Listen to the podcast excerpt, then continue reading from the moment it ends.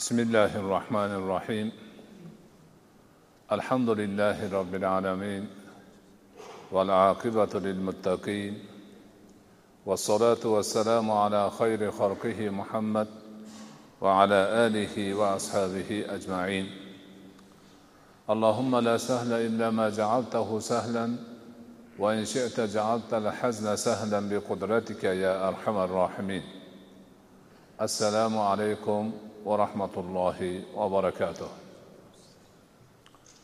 Alloh subhanahu va taolo nomlarini qur'oni karimda zikr qilgan nabiylardan birlari horun alayhissalomdir. U kishi horun ibn imron ibn qohis ibn loviy ibn yoqub ibn ishoq ibn ibrohimdirlar ya'ni u kishi boshqa nabiylar qatori ibrohim alayhissalomni sulolalariga mansub kishilardan hisoblanadilar horun alayhissalom asosan muso alayhissalom bilan birga zikr qiladilar qilinadilar. Chunki u kishi muso alayhissalomdan uch yosh katta tug'ishgan akalari bo'ladi. Va alloh taolo muso alayhissalomga payg'ambarlikni berganda u zot o'zlari akalarini ham vazir qilib qo'shib berishni alloh taolodan so'rab olgan. Nabiy bo'lishda ikkovlari sherik bo'lib ish tutishlarini tilagan.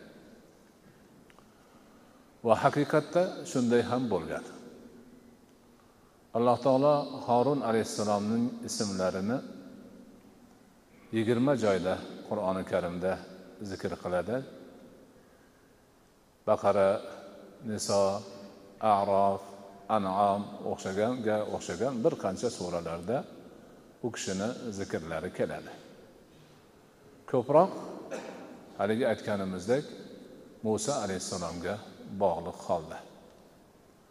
Muso alayhissalom bilan birga borib fir'avnni da'vatida ishtirok etishlari muso alayhissalom miqotga robbilari bilan uchrashuvga ketganlarida o'rinlariga qavmni ichida qolishlari.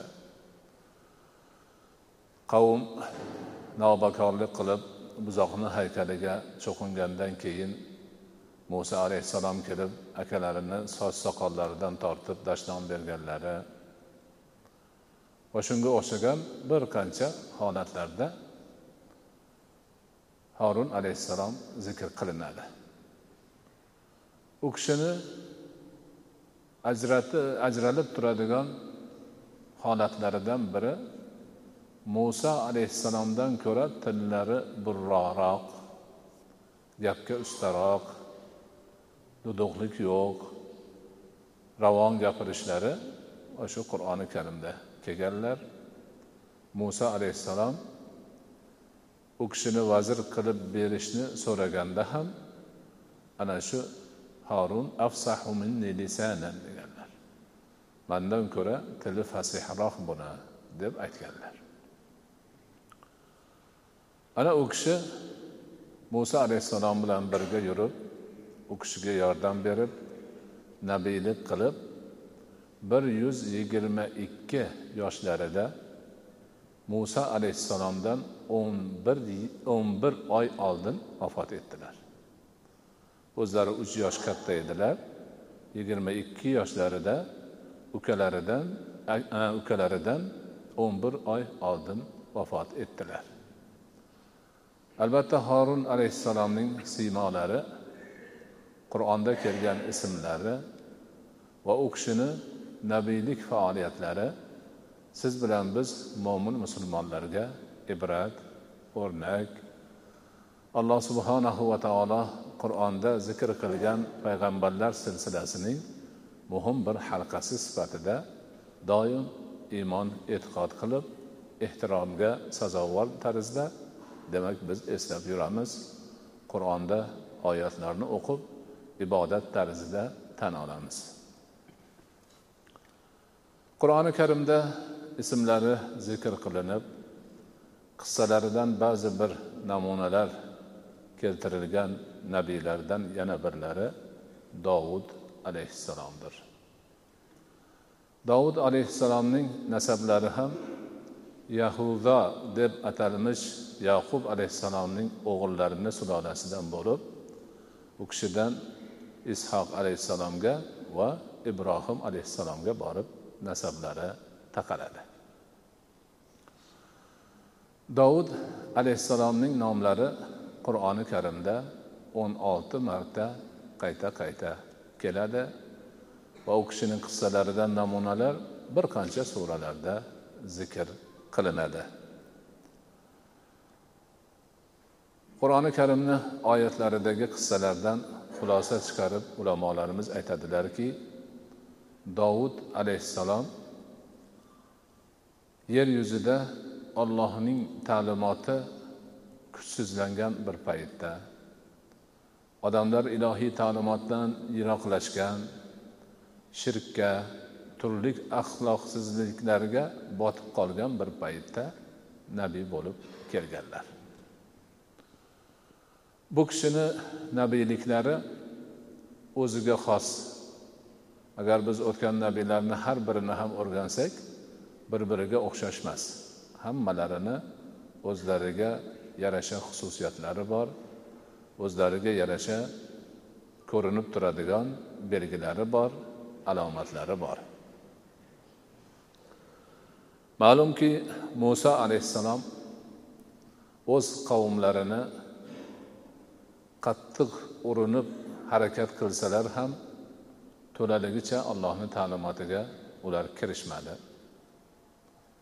Ana qirq yil tih degan adashuv holatida yurdilar. Muso alayhissalom borlik paytlarida baytul maqdisga kirishmadi. O'zlari bosh tortishdi. Shuning uchun haligi adashuvga alloh ularni hukm qildi. Muso alayhissalomdan keyin yusha alayhissalomning davrlarida qavm u kishini harakati bilan allohning fazli bilan baytul maqdisga kirishdi turishdi. Lekin turli sabablarga ko'ra u yerdan boshqa qavmlar ularni yana qaytarib quvib chiqarishdi. Ana shunda ular aziz joylardan ajrab qolganlaridan bo'lsa kerak o'tirib maslahat qilishib o'z nabiylariga aytishdi. Qur'oni karimda u nabiy kim ekanligini aytilmaydi nomlari yo'q. Bani isroil o'z nabiysiga aytdi deb boshlanadi. Aytdi degani nimani aytdi? Ular aytdiki ey nabiy robbingga duo qil bizga bir podshoh bersin. Uning rahbarligida ollohni yo'lida jang qilaylik.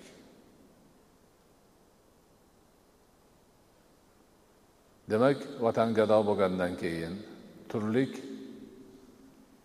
og'irliklar bo'yinlariga tushgandan keyin boshlariga o'tirib o'zlaricha gap bilan quruq og'izlari bilan demak botirlik ko'rsatishyapti.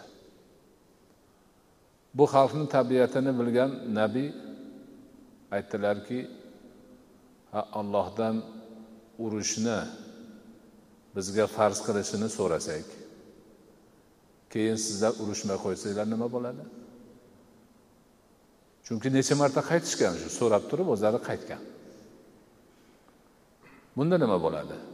Hozir allohga yolborib aytsakki biz birga bizga bir podshoh bergin. Shu podshohni rahbarligida dushmanimiz bilan urushaylik.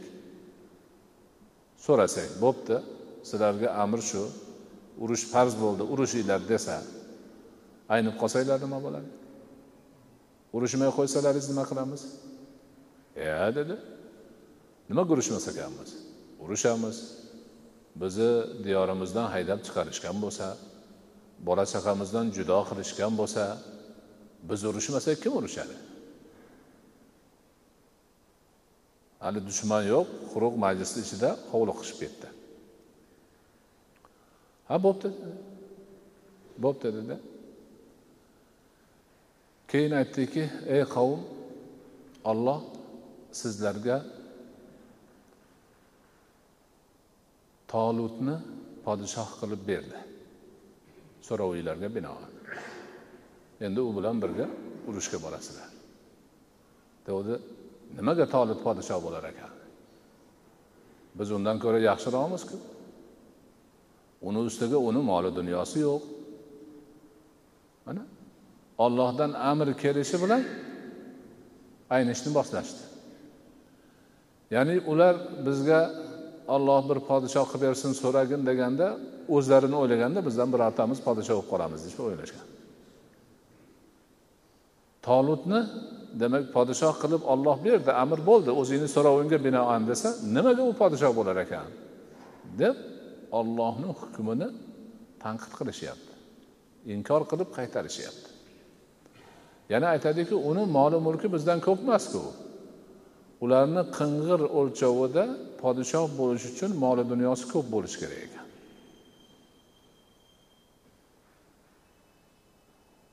Ana undan keyin payg'ambar aytdilarki nabiy olloh podshohlikni xohlagan beradi.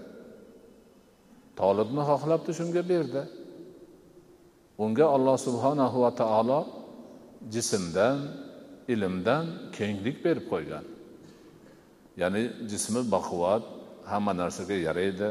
Podshoh bo'lib xalqni boshlab dushmanga qarshi olib borib urush qildirishga tayyor. Ilmi ham shunaqa. Ilmida ham alloh subhanahu va taolo u odamga kenglikni berib qo'ygan. Olloh kimni xohlasa shuni podshoh qiladi. Sizlardan so'rab emas uning podshohligining alomati shuki unda bir tobut sandiq bo'ladi.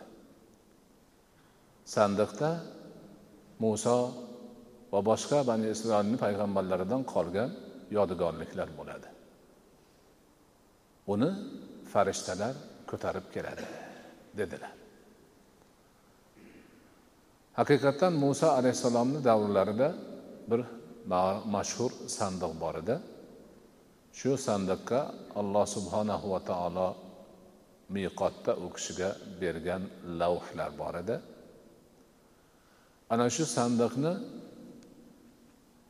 askarni oldiga ko'tarib yurilsa odamlarni ko'nglida xotirjamlik paydo bo'lar qo'rquv yo'qolar. Urush paytida demak odamlarda bir oz shijoat paydo bo'lar edi. Lekin haligi qudusdan bani isroilni haydab chiqarilgan qavm bularni haydab yuborayotganda u sandiqni ham tortishib olgan edi. Lavhlarni ustiga muso alayhissalomni hassalari choponlari horun alayhissalomni sallalari shunga o'xshagan ulardan tabarruk bo'lib qolgan narsalarni ham solib qo'yilgan edi. Haqiqatdan tolut haligi tobut sandiq bilan keldi podshohligi ayon bo'ldi. Ollohni amri.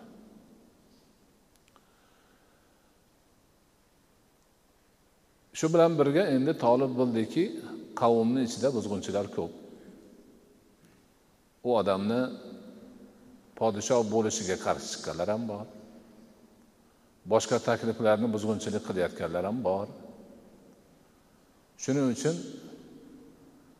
agar dedi mani lashkarimga qo'shiladigan bo'lsa alloh taolo bir sinaydi shuni e'tiborga olish kerak dedilar. Lashkarga qo'shilganlarga aytdiki alloh subhanahu va taolo sizlarni bir daryo ila sinaydi. Yo'l yurib ketayotganda daryo keladi. Ana shu daryodan suv ichmay o'tgan mani lashkarim bo'ladi.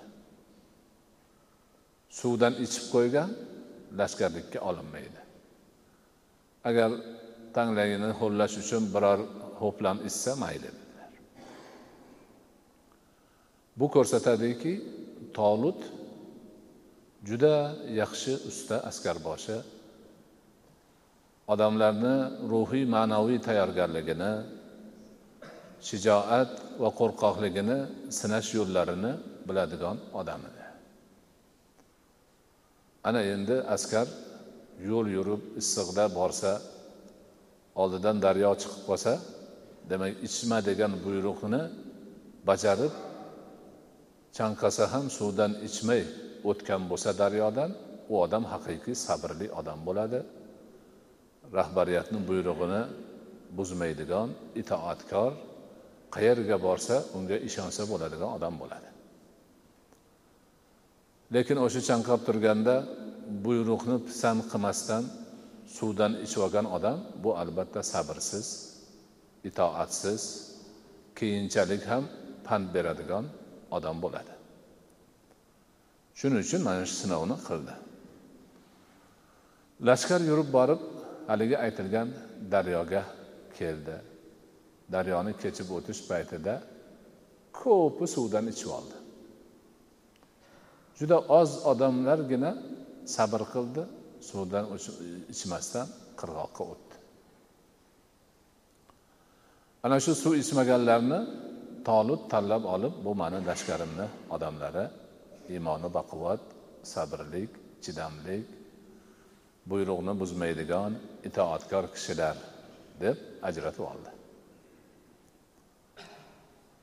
Ular bilan endi o'sha ko'zlangan maqsad o'zlarini ona vatanlarini ozod qilish uchun yurib borganda ularni ichidan ham zaiflar chiqdi. Biz qo'rqyapmiz dedi. Qanaqa qilib borib urushamiz ular bilan xullas borib dushman bilan to'qnashib urushga kirishdan bosh tortishdi. Shunda yana keyin haqiqiy iymoni baquvvat odamlar chiqib biz qo'rqmaymiz boramiz. Tarixda ko'p narsalarni ko'rganmiz eshitganmiz. Iymoni baquvvat bo'lsa oz sonli bo'lsa ham ko'p sonlikni ustidan g'alaba qilaveradi. Biz boramiz deb haligi odamlar ajrab chiqishdi. Ikkilanganlar iymoni zaiflar yana ajrab qoldi. Haqiqiy shijoatli iymoni baquvvat allohni yo'lida har qanday mashaqqatni ko'tarishga chidaydiganlari borib jang bo'ldi. Jangda u tarafni podshosi kattasi ashkarboshichi jolut degan shaxsni tolutni askarini ichidagi eng yosh yigitlardan biri dovud qatl qildi. Ya'niki dunyoga dong'i ketgan katta zabardast podshoh askar nihoyatda dunyoni titratib turgan bani isroilni quvib chiqqan demak askarni rahbarini tolibni askarini ichidagi yosh yigit eng yosh yigitlardan bittasi dovud qatl qildi. Podshosi qatl bo'lganda u vaqtda har qanday qavm tugaydi. Tamom. Ana dovud alayhissalom sahnaga mana shu yo'l bilan kirib keldilar.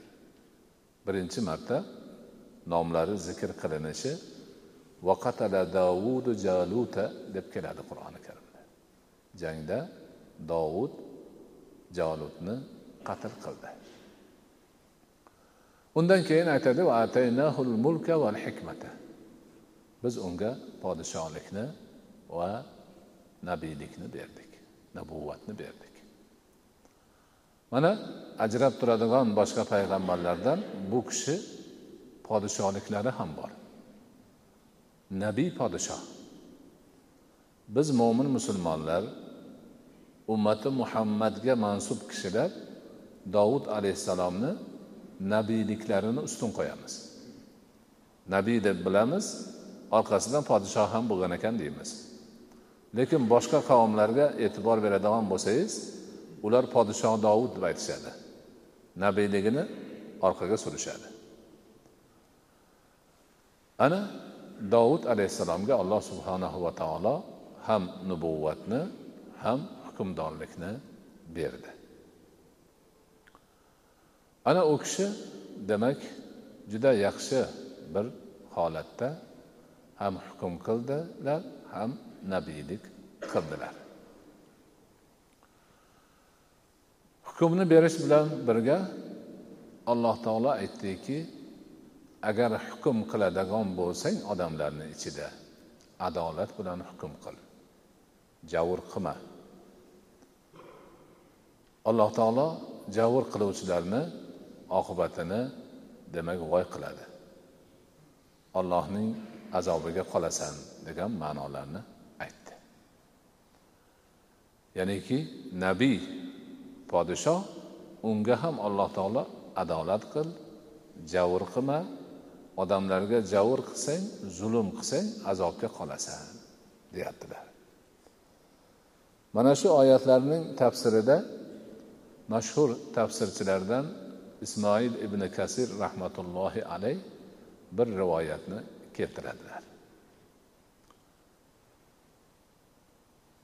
Umaviy xalifalardan valid ibn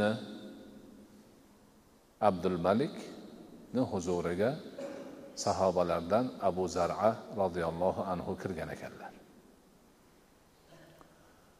Haligi xalifa aytibdiki ey abu zara siz qur'onni yaxshi bilasiz islomni yaxshi bilasiz.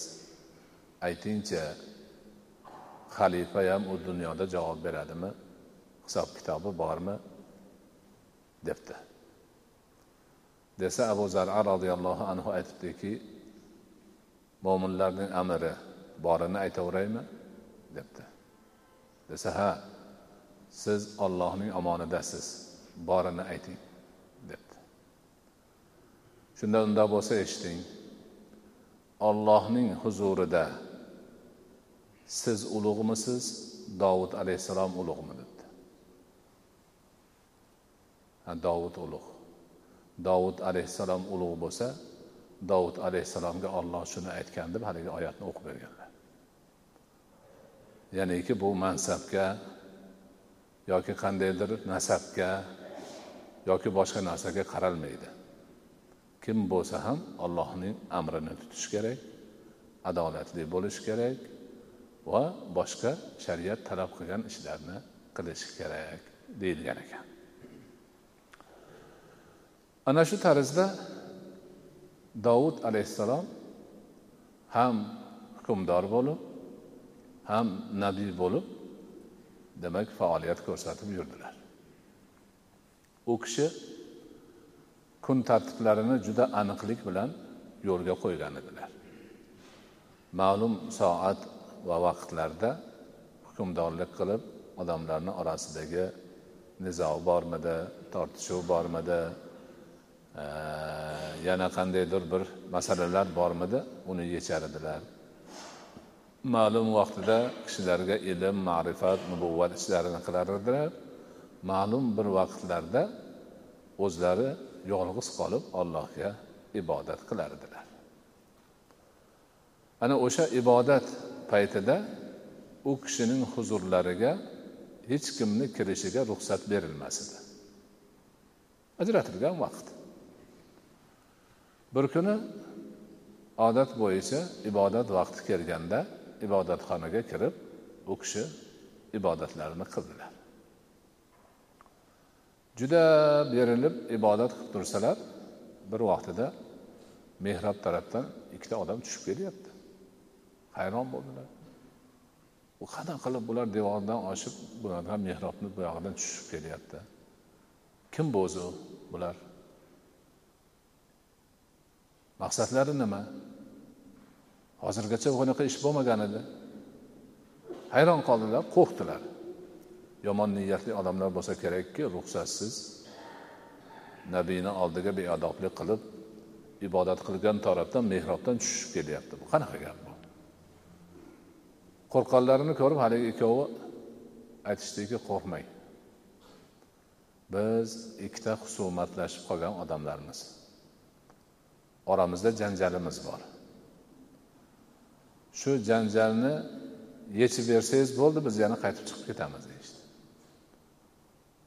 U ikkovini janjal qizitib yuborgan ekanda shu tezroq bo'lsin deb nabiylari ibodatini tugatguncha ham sabr qilmasdan devordan oshib tushishgan ekan. Hay masala nima? Masala shuki mana bu og'aynimni to'qson to'qqizta sovliq qo'yi bor. Mani bittagina sovlig'im bor edi. Shu oramizda bir gap bo'ldida talashib tortishib shu bitta sovliqni ham olib qo'ydim. Qanaqa bo'ldi bu? Shuni bir hukmini chiqarib bersangiz. Degan edi alayhissalom aytdilarki albatta bu o'zini sovliqlariga sani sovlig'ingni qo'shib olib noto'g'ri ish qilibdi o'zi aslida shu sherikchilik qiladiganlar ko'proq ba'zisi ba'zisiga zulm qilib qo'yadi. Bir birini haqini yeb qo'yishadi. Bundoq bo'lmaslik kerak edi dedilar. Keyin gapirib turib eslariga kelib qoldi. Yo'q bu biznes bo'lmaydi shekilli buni bir sinov shekilli manga buni. Bo'lmasa bunaqa bo'lmasligi kerak deb turib keyin tavba qilib allohga sajda qilib allohdan mag'firat so'radilar. Haqiqatdan u sinov edi. Shu yerda ikkita mulohaza bor edi. Bittasi haligi devor oshib tushgan odamlar kelayotganda ularni haqida yomon gumon qilish ikkinchisi husumatlashib talashib turgan odamlardan bittasi gapirgandan keyin ikkinchisiga san nima demaysan nima deb aytasan buni bunaqa deyapti sani gaping bormi? demasdan hukm chiqarib qo'yish. Mana shuni mulohazasi bor edi. Ana shuni dovud alayhissalom o'zlari darhol tushunib tavba qilib allohga sajda qilib demak xatoni kechirishini so'radi. Alloh subhanava taolo u kishini xatolarini kechirdi mag'firat qildi. Xuddi mana shu qissada boshqa qavmlar noto'g'ri gaplarini to'qib dovud alayhissalomga xatokorlik isyonkorlik ollohni chizig'ida turmaslik kabi noto'g'ri gaplarni gapirib beodoblik qilishadi. O'zi aslida bular to'g'ri. Ha birov ruxsat so'ramay kirgandan keyin nima endi bu? Undan keyin narigi masalada ochiq oydin ko'rinib turibdi. Birovni to'qson to'qqizta sog'lig'i bor ekan sherigini bittasini olib qo'shyapti. Ya'niki dovud alayhissalom tezlab to'liq bir oxiriga yetkazmasdan hukm chiqarib qo'yganlar xolos. Xatolik yo'q bu yerda. Lekin nabiylarga shu ham katta ish bo'lib ko'rinishi mumkin. Shuning uchun tavba qilganlar. Ana mana bu demak qissadan ham mana shunday bir fikr mulohazalar va'z nasihatlar olingan. Kitoblarimizda juda ko'p yozilgan. Alloh subhanahu va taolo dovud alayhissalomga o'zining zabur nomli kitobini bergan nozil qilgan. Qur'oni karim ta'kidlab iymon keltirishni vojib qilgan to'rtta ilohiy kitobdan biri aynan shu dovud alayhissalomga nozil qilingan zabur kitobidir. Va atayna davuda zabura deydi alloh taolo. Zabur kitobida va'z nasihatlar ibratlar va ibodatlarda o'qiladigan duolar shunga o'xshagan lafzlar yozilgan ekan. Dovud alayhissalomga alloh subhanahu va taolo go'zal ovoz berganlar. U kishi zaburni tilovat qilib ovoz chiqarib o'qib turganlarida osmondagi qushlar ham to'xtar edi degan gaplar aytiladi. Sahobalardan abu muso ashariy roziyallohu anhu qur'on tilovat qilib o'tirganlarini rasululloh kelib eshitib qolib uzoq eshitganlarida keyin sanga alloh taolo dovudni mezmorlaridan bergan ya'ni ovozing chiroyli yaxshi qiroat qilyapsan deganlar. Ana o'sha alloh taologa u kishi munojot aytib tilovat qilib tasbeh aytganda tog'lar qushlar ham u kishiga qo'shilib tasbeh aytishi qur'onda kelgan.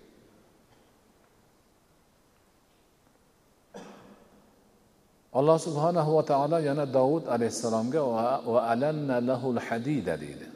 Biz unga temirni muloyim qilib berdik. Bu ham mo'jiza.